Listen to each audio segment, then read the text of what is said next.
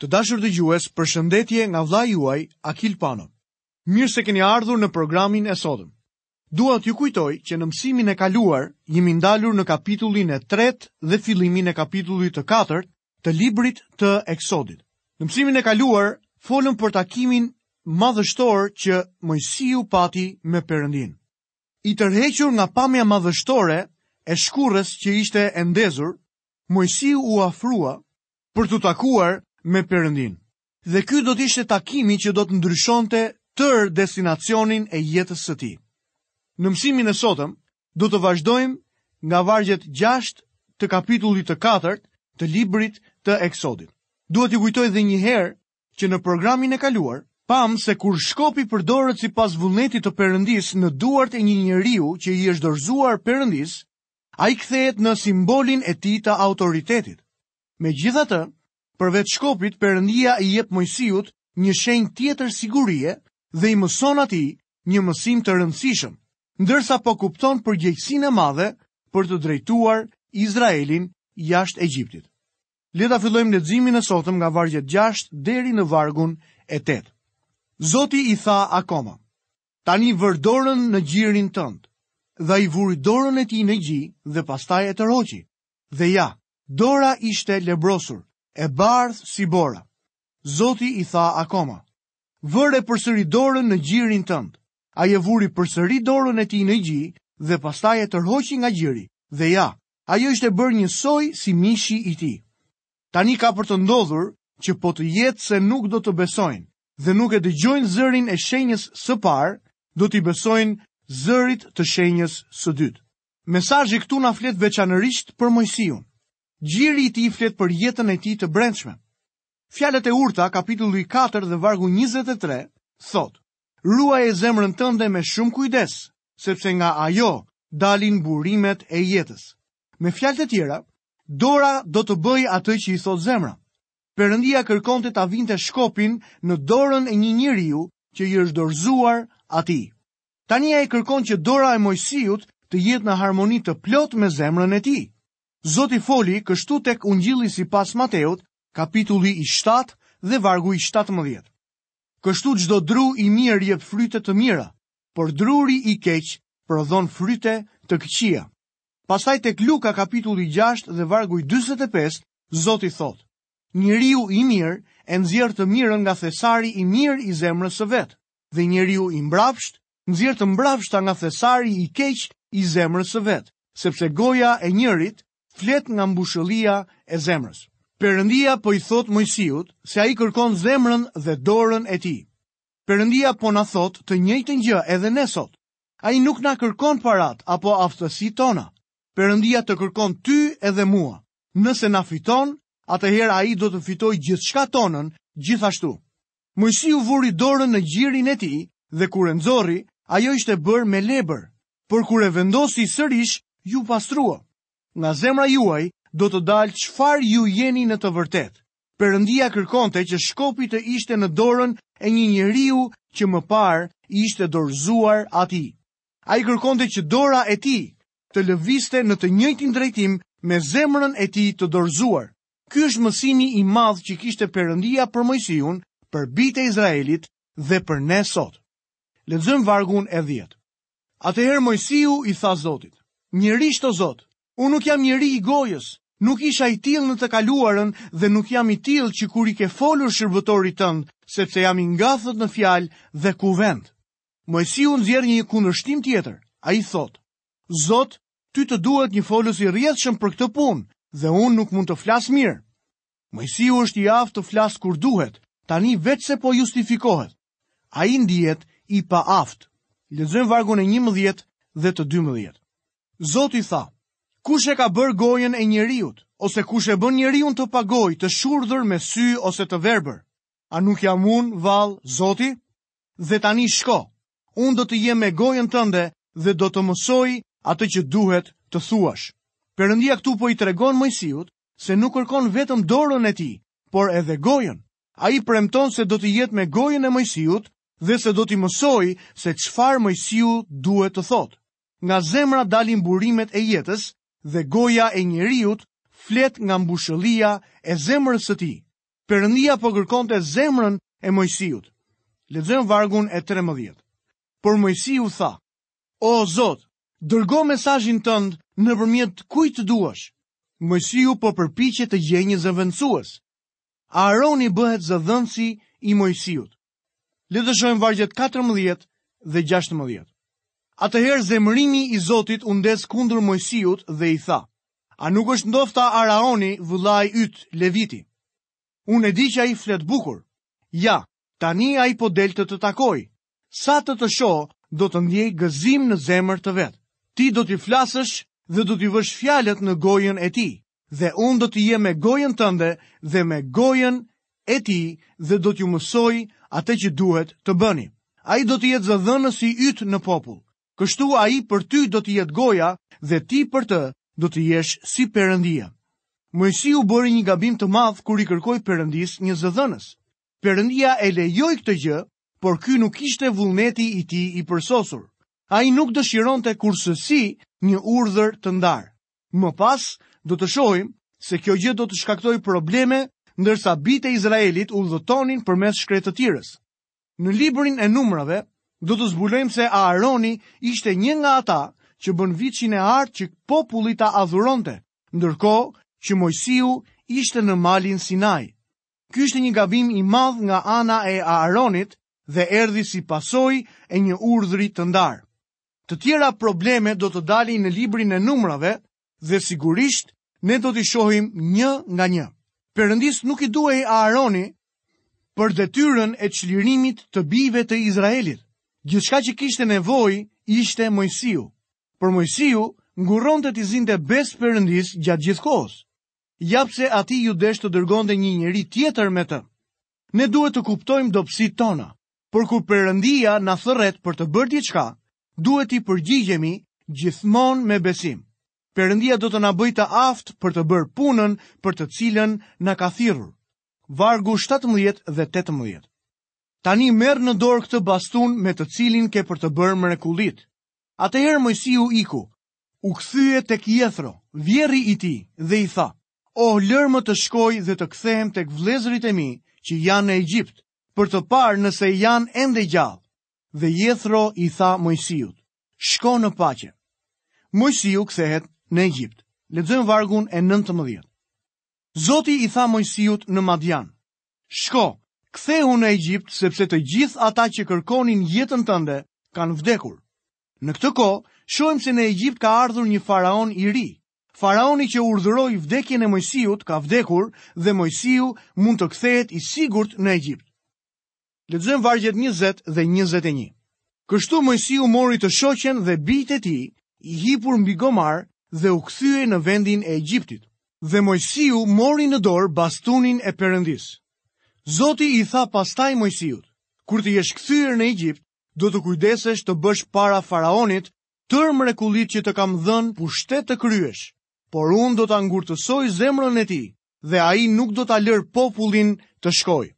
Fakti se Perëndia thotë se do t'ia ngurtësojë zemrën faraonit ka ngjallur gjithmonë diskutime. Ky problem do të shfaqet përsëri kur të shohim secilën nga plagët. Atëherë ne do ta studiojmë më me hollësi dhe do të shihni që do të arrijmë një zgjidhje të kënaqshme. Lexojmë vargun e 22. Dhe ti do t'i thuash faraonit, kështu thotë Zoti, Izraeli është biri im, i parëlinduri im.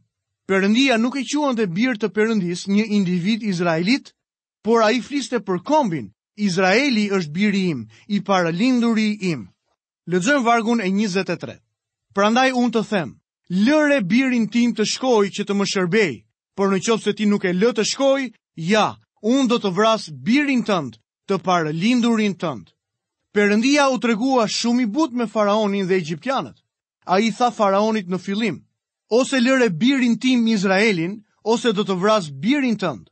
Kështu Perëndia dërgoi shumë plagë para se të prekte të parëlindurit e Egjiptit duke i dhënë faraonit kohë të mjaftueshme për të njohur Perëndinë e vërtetë dhe në të njëjtën kohë ta linte Izraelin të largohej, por ai nuk përfitoi nga kjo mundësi që ai mori nga Perëndia. Lexojmë vargun e 24. Por gjatë udhëtimit në vendin ku kishin fushuar, Zoti shkoi të takojë Moisiun dhe u përpoq ta bënte të vdiste. Ky varg duket disi i çuditshëm, por na zbulon kundërshtimin e tretë të Moisiut, Ai kishte lënë pas dore rrethprerjen e bijve të tij. Rrethprerja ishte dëshmia ose vula e besëlidhjes që Perëndia kishte bërë me Abrahamin. Nëse Moisiu do t'ia kishte shpallur vullnetin e Perëndisë të tjerëve, ai duhej t'i bindej vullnetit të Perëndisë gjithashtu. Perëndisi duhej detyrimisht t'i kujtonte Moisiut mosbindjen që Moisiu po tregonte ndaj Perëndisë. Lexojmë vargjet 25 dhe 26. Atëherë Sefora mori një strall të mprehtë dhe preu prepucin e birit të saj dhe e hodhi në këmbët e Moisiut duke thënë: Ti për mua je një dhëndër në gjak. Kështu Zoti e la. Atëherë ajo tha: Ti je një dhëndër gjakatar për shkak të rrethprerjes. Është paksa e vështirë ta kuptosh këtë incident dhe ja pse na duhet që ta ripërshkojmë disi rrugën tonë. Kur Moisiu u largua si i arratisur nga Egjipti, ai shkoi në tokën e Midianit. Midianitët ishin pasardhësit e Abrahamit të lindur prej Keturas. Ata njerëz ishin monoteistë. Nuk adhuronin idhuj, por vetëm një perëndi. Moisiu ndihej si në shtëpi të vet midis tyre. Ai u bë shok i ngushtë me priftin e Midianit, që kishte shtatë vajza. Moisiu u martua me Seforën, një emër që tingullon si një pajisje moderne për të zënë vendin e pullave. Në të vërtetë, ashtu siç e kemi thënë edhe më parë, emri i saj ka kuptimin harabel ose zog i vogël, Pra gruaja e Mojsiut ishte zonja Zog. E para, në fillim Perëndia e bekoi shtëpinë e Mojsiut. Biri i tij i parë, Gershomi, që do të thotë i huaj, lindi në Midian. Mojsiu kishte qenë i huaj në atë vend që më pas u bë shtëpia e tij. Fatkeqësisht në jetën martesore të Mojsiut kishte një problem. Perëndia e thirri Mojsiun tek ferrishtja që digjej dhe e caktoi të shkonte në Egjipt, e ndërsa ky i fundit u nis për në Egjipt, u përpoq ta vriste. Përse? Ritin e rrethprerjes së birit të tij. Rrethprerja ishte simboli dhe vula e besëlidhjes së Perëndisë me Abrahamin. Qëllimi i saj ishte që izraelitët të mos e mbështesnin besimin e tyre në mish. Mishi duhej të pritej dhe çdo izraelit duhej ta vendoste besimin e tij tek Perëndia. Tek Zanafilla kapitulli 15 vargu i 6. Psalmi 106 vargu 31. Romakët kapitulli 4 dhe vargu i 3 dhe Galatasit 3 dhe vargu i 6 na tregojnë të gjithë këto vargje se Abrahami i besoi Perëndisë dhe kjo iu numërua për drejtësi. Isaku dhe Jakobi ndoqën shembullin e Abrahamit. Ata ishin izraelitë që nga lindja, por rrethprerja ishte simboli i saj. Për ta kryerja e këtij riti ishte një veprim besimi. Rrethprerja ishte dëshmia e vetme se një burrë ishte apo jo bir i Abrahamit. Rrethprerja ishte dëshmi e besimit të tyre. Me sa duket, Sefora e kishte kundërshtuar urdhëresën e rrethprerjes dhe Mojsiu nuk kishte këmbëngulur shumë. Ndoshta Mojsiut ky veprim nuk i dukej edhe aq i rëndësishëm, ndërkohë që është më se e qartë se gruas së tij i dukej një gjë e marrë dhe e përgjakshme. Sido që të jetë, Mojsiu nuk dëshironte të arrinte në një çarje në martesën e tij. Gruaja e Mojsiut nuk ishte ateiste, ajo ishte monoteiste. Ajo thjesht po kundërshtonte urdhëresën e Perëndisë dhe Mojsiu nuk dëshironte të grindej për këtë gjë. Shikoni, Mojsiu mund të ngrihej kundër faraonit, por nuk mund të ngrihej kundër gruas së tij. Mojsiu mund t'i tregonte izraelitëve fare mirë kur ishin në gabim, por nuk mund të kundërshtonte gruan e tij dhe kur ajo e kishte gabim. Është e qartë se Mojsiu mendonte se mund ta linte më një anë këtë fushë të mosbindjes. Ai e la atë të rrëshqiste, ashtu siç bëjmë shumë të krishterë sot, që lënë pas dore familjet e tyre, ndërsa përpiqen të rregullojnë familjet e të tjerëve. Perëndia ndërhyri në jetën e Mojsiut. Ai e ndali atë rrugës për në Egjipt dhe i zbuloi se sa e rëndë ishte situata. Është vërtet e rrezikshme kur gruaja dhe burri nuk bien plotësisht dakord për çështje shpirtërore. Kjo është arsyeja sepse shkrimi na paralajmëron qartë kundër martesave të besimtarëve dhe jobesimtarëve me njëri-tjetrin. Sefora kreu ritin e rrethprerjes tek biri i tyre për të shpëtuar jetën e burrit të saj, Mojsiut. Prandaj kjo quhet një vepër besimi nga ana e saj. Ajo pohoi premtimin e besëlidhjes me Abrahamin, shpengimin e gjakut pa besim në mishin. Pas rrethprerjes së birit të tyre, ndoshta kur arritën në Egjipt, Mojsiu e kuptoi problemin dhe e dërgoi në shtëpi për të qëndruar me babanë e saj. Më vonë, në marshimin nëpër shkretëtirë, do të shohim se Jethro, Vjehrri i Mojsiut e solli Seforën dhe ata u pajtuan. Le të lexojmë tani së bashku vargjet 27 deri 31. Zoti i tha Aaronit, shko në shkretëtirë të takosh Mojsiun, dhe ai shkoi, e takoi atë në malin e Perëndisë dhe e puthi. Dhe Mojsiu i tregoi Aaronit tërë fjalët që Zoti e kishte porositur të thoshte, dhe tërë shenjat e mahnitshme që i kishte urdhëruar të bënte. Atëherë Mojsiu dhe Aaroni shkuan dhe mblodhën tërë pleqtë e bijve të Izraelit. Dhe Aaroni tregoi tërë fjalët që Zoti i kishte thënë Mojsiut dhe bëri mrekullitë në sytë e popullit. Kështu populli i besoi Ata kuptuan që Zoti kishte vizituar bijtë e Izraelit dhe kishte parë dëshpërimin e tyre dhe u përkulën dhe e adhuruan. Kjo është një skenë shumë e bukur adhurimi. Këta njerëz tani i besojnë Perëndisë dhe në bazë të kësaj Perëndia do t'i drejtojë ata jashtë vendit të Egjiptit. Këtu kemi përfunduar dhe studimin tonë të kapitullit të katërt. Le të vazhdojmë së bashku më tej studimin tonë. Në kapitullin e pestë, shohim që fillon diskutimi me faraonin. Plagët janë kundër idhujtarisë së Egjiptit dhe në të vërtetë është një betejë e Perëndisë me perënditë e Egjiptit. Mojsiu u kthye në Egjipt pas një mungese prej 40 vitesh. Çliruesi tani është përgatitur për të çliruar popullin e tij. Ai do të mblidhte pleqtë e Izraelit, do të shkonin së bashku tek faraoni dhe do t'i bënin të njohur kërkesën e tyre. Faraoni nuk pranoi ta linte Izraelin të lirë dhe kjo hapi luftën midis perëndisë së Izraelit dhe perëndive të Egjiptit. Plagët nuk ishin të rastësishme. Perëndia pasi dërgoi plagën e bretkosave, nuk tha, po mendoj se çfarë fatkeqësie duhet të dërgoj më pas. Ka mundësi që asgjë tjetër nuk ka qenë kaq shumë e organizuar dhe domethënëse sesa këto plagë. Në mënyrë shumë të përcaktuar ato drejtoheshin kundër idhujtarisë së Egjiptit. Faraoni pyeti, kush është Zoti? Nuk e njoh dhe nuk kam ndërmend ta lë Izraelin të lirë. Kështu që Perëndia u prezantua dhe e bëri këtë duke sjellë plagë në tokën e Egjiptit.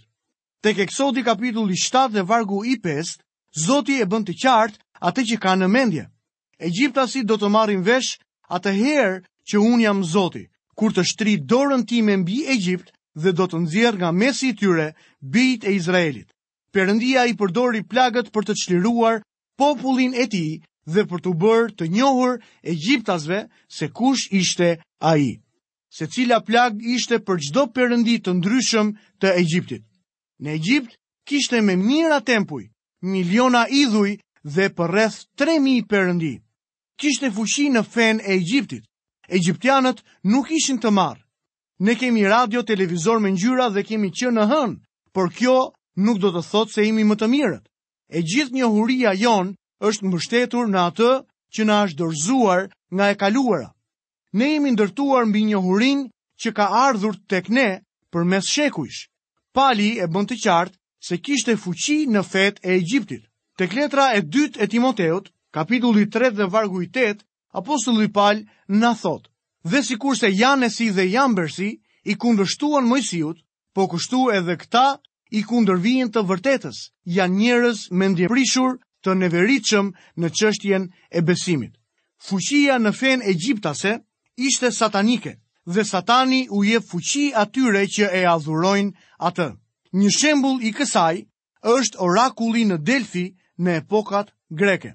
Perëndia i drejtoi plagët kundër idhujtarisë në Egjipt, kundër faraonit dhe kundër satanit. ishte betejë midis perëndish. Eksodi kapitulli 12 dhe vargu i 12 pohon: Atë natë unë do të kaloj nëpër vendin e Egjiptit dhe do të godas çdo të paralindur në vendin e Egjiptit, qoftë njeri apo kafshë dhe do t'u jap hakun gjithë perëndive të Egjiptit. Unë jam Zoti. Perëndia tregoi se perënditë e Egjiptit ishin të rreme dhe i zbuloi Izraelit aftësinë e tij për t'i shpëtuar.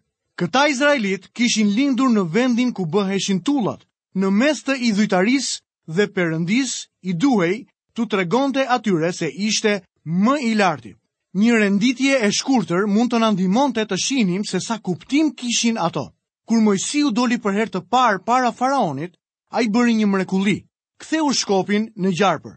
Magjistarët e Egjiptit kryen të njëjtën mrekulli. Kjo zbulon se Satani ka fuqi. Pas këtij demonstrimi ndodhën 10 plagët. Uji u kthye në gjak. Kapitulli 7 i Eksodit vargjet 19 deri 25. Pjelloria e tokës së Egjiptit varej nga përmbytja e Nilit për të sjellë si pleh ashtu edhe ujë. Prandaj ky lumë i ishte shenjtëruar perëndisë Osiris, syri që sheh gjithçka i të cilit gjendet në shumë piktura egjiptiane. Ritet pagane kryheshin çdo pranverë kur lumi sillte vdekje në vend të jetës. Magjistarët egjiptianë gjithashtu e imituan këtë plagë me magjinë e tyre. Plaga e dytë ishte plaga e bretkosave. Një nga tempujt më të bukur në Memfis ishte tempulli për Hekën, perëndesha e shëmtuar me kokë si të bretkosës. Ishte ofendim të vrisje bretkosën e shenjtë, por po t'i gjeje në shtëpi, krevat, ushqim dhe kudo nën këmbë, ashtu siç edhe egjiptianët do të doje t'i vrisje. Por ato ishin të shenjta. Magjistarët e përsëritën gjithashtu këtë plagë, e cila mund të tregonte se suksesi i tyre deri tani arrihej nëpërmjet marifeteve ose ndonjë mjeti të ngjashëm magjik. Është e rëndësishme të kuptohet se në plagët e Egjiptit kishte një qëllim të përcaktuar qartë. Në atë betejë, Perëndia i sfidoi dhe i mundi perënditë e Egjiptit. Mund ta merrni me mend idhujtarinë në atë vend. Megjithatë, Perëndia parashikoi nëpërmjet profetit Isaia se do të vinte koha kur çdo idhull do të zhdukej nga Egjipti. Dhe sot Egjipti është një vend mysliman që nuk lejon asnjë idhull. Çdo idhull është zhdukur, ashtu siç ka thënë edhe Perëndia. Të dashur dëgjues, këtu kemi mbërritur dhe në fundin e programit të sotëm. Nga unë vëllai juaj Akil Pano, keni të gjitha bekimet e Perëndisë dhe paqen e tij në jetën tuaj. Bashkë mirudëgjofshim në emisionin e ardhshëm.